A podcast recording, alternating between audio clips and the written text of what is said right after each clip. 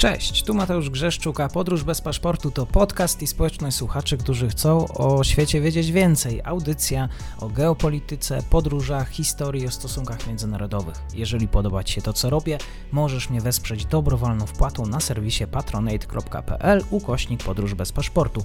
Serdecznie za to dziękuję, bo właśnie dzięki temu mam szansę rozwijać to miejsce. Obserwuj, polub i udostępniaj dalej. Zapinamy pasy, czas na kolejny odcinek podróży. Dzień dobry wszystkim słuchaczom. Mam dzisiaj przyjemność gościć pana Mariusza Marszałkowskiego z redakcji Business Alert. Będziemy rozmawiać o Białorusi, o tym, że Łukaszenka grozi blokadą tranzytu rosyjskich surowców. Dzień dobry panie redaktorze. Dziękuję za przyjęcie zaproszenia. Dzień dobry panu, dzień dobry państwu. Aleksander Łukaszenka oświadczył, że jest gotów zablokować tranzyt surowców energetycznych właśnie z Rosji do Europy. Wszystko wtedy oczywiście, jeżeli zamkniemy granicę z Białorusią.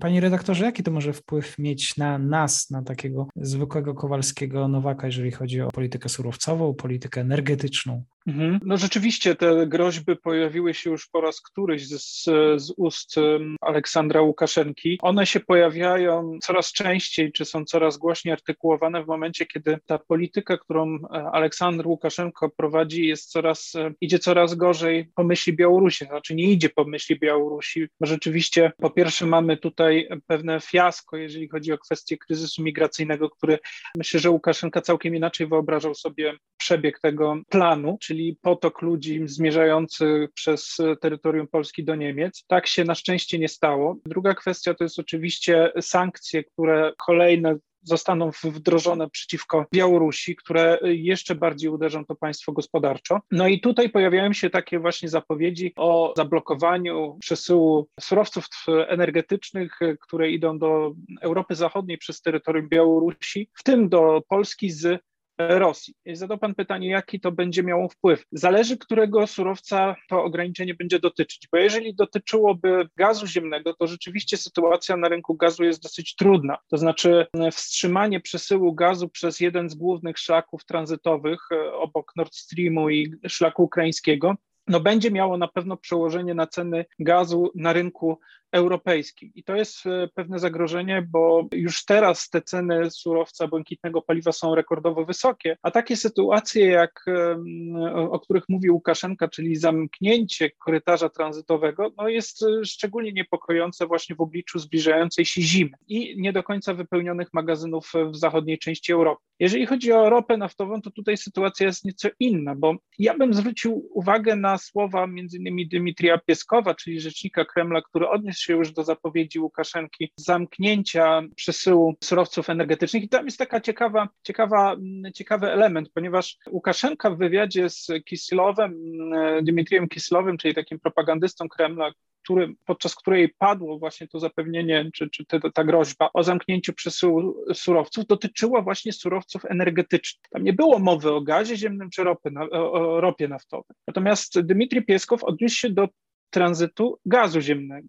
Czyli jakby nie ma mowy o, przynajmniej ze strony Kremla, o zamknięciu tranzytu dla ropy naftowej, natomiast Kreml bierze pod uwagę, że Łukaszenka może grozić Europie tym szantażem gazowym. Jeżeli chodzi o ropę naftową, to tutaj sytuacja jest dosyć, dosyć bezpieczna dla nas, ponieważ my poprzez terminal naftowy w Gdańsku i dosyć duże możliwości magazynowe jesteśmy zabezpieczeni na wypadek braku dostaw z każdego kierunku mniej więcej na około 90 dni, czyli trzy miesiące jesteśmy jesteśmy w stanie wytrzymać bez dostaw z żadnego kierunku. A trzeba pamiętać, że mamy cały czas dostęp do naftoportu w Gdańsku, przez który te dostawy byłyby realizowane. I musimy pamiętać, że takie doświadczenie już mamy z 2019 roku, czyli przez 46 dni nie odbieraliśmy ropy naftowej z kierunku białoruskiego ze względu na zanieczyszczenie ropociągu przyjaźń chlorkami organicznymi. Także z punktu widzenia gazowego byłoby to zagrożenie, ale głównie na rynku, nazwijmy to takim handlowym, czyli na pewno by to podniosło jeszcze bardziej ceny, bo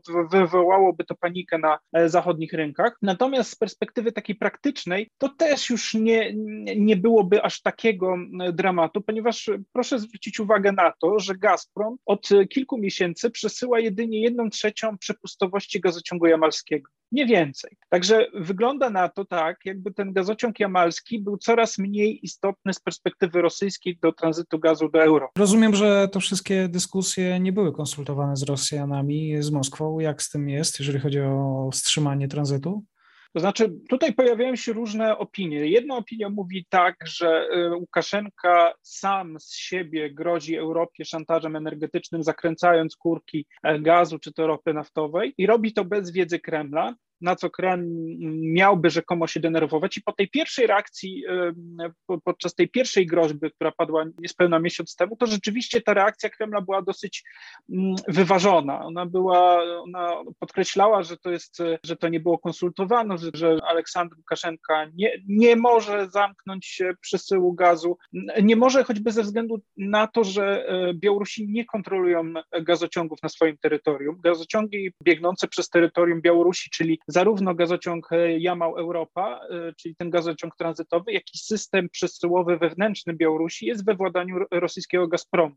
I to we władaniu stuprocentowym. Także e, z perspektywy prawnej e, Łukaszenka nie ma możliwości zamknięcia e, tranzytu, bo to by oznaczało, że białoruscy inżynierowie, którzy mieliby dokonać tego zamknięcia, musieliby wejść na teren e, instalacji, które należą do rosyjskiego Gazpromu. No i tutaj trudno wyobrazić sobie, żeby coś takiego zadziało się bez wiedzy co najmniej centrali Gazpromu w Petersburgu. Natomiast jeżeli chodzi o ropę naftową, to tutaj jest taka sytuacja, że Rosjanie nie chcieliby na pewno żeby tranzyt ropy został wstrzymany z racji choćby tego, że ropa stanowi około 80% wpływów rosyjskich do budżetu z tytułu sprzedaży węglowodorów. Gaz e, odpowiada za około 15% tych wpływów. Także jeżeli zobaczymy, co jest bardziej dla Rosjan niebezpieczne, czy zamknięcie tranzytu, to znaczy przesyłu gazu, czy przesyłu ropy, to z perspektywy finansowej Rosjanie nie mogą pozwolić sobie na wstrzymanie przesyłu ropy,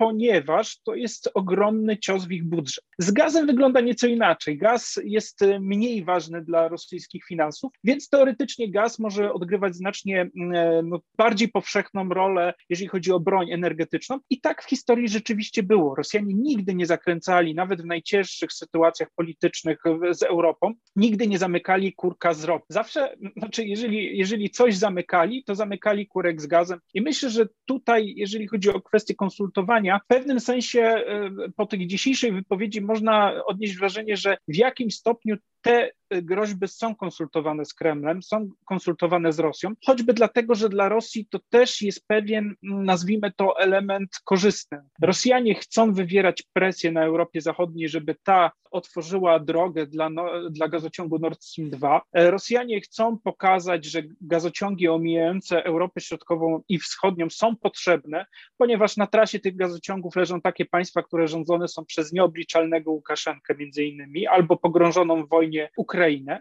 Więc tutaj ja myślę, że w pewnym sensie te zapowiedzi, dopóki nie zostaną spełnione, przynajmniej w jakimś dłuższym wymiarze czy, czy bardziej ostrym wymiarze, one są też z korzyścią dla Rosji, ponieważ one windują ceny na europejskich rynkach gazu. W przypadku zamknięcia granicy przez Polskę, blokada tranzytu rosyjskich surowców, tak grozi Łukaszenka. Zobaczymy, jak będzie w rzeczywistości, będziemy obserwować. A dzisiaj komentarz od pana Mariusza Marszałkowskiego, redaktora Business Alert serdecznie dziękuję za ten komentarz i spotkanie. Dziękuję za zaproszenie. Wszystkiego dobrego. Do usłyszenia.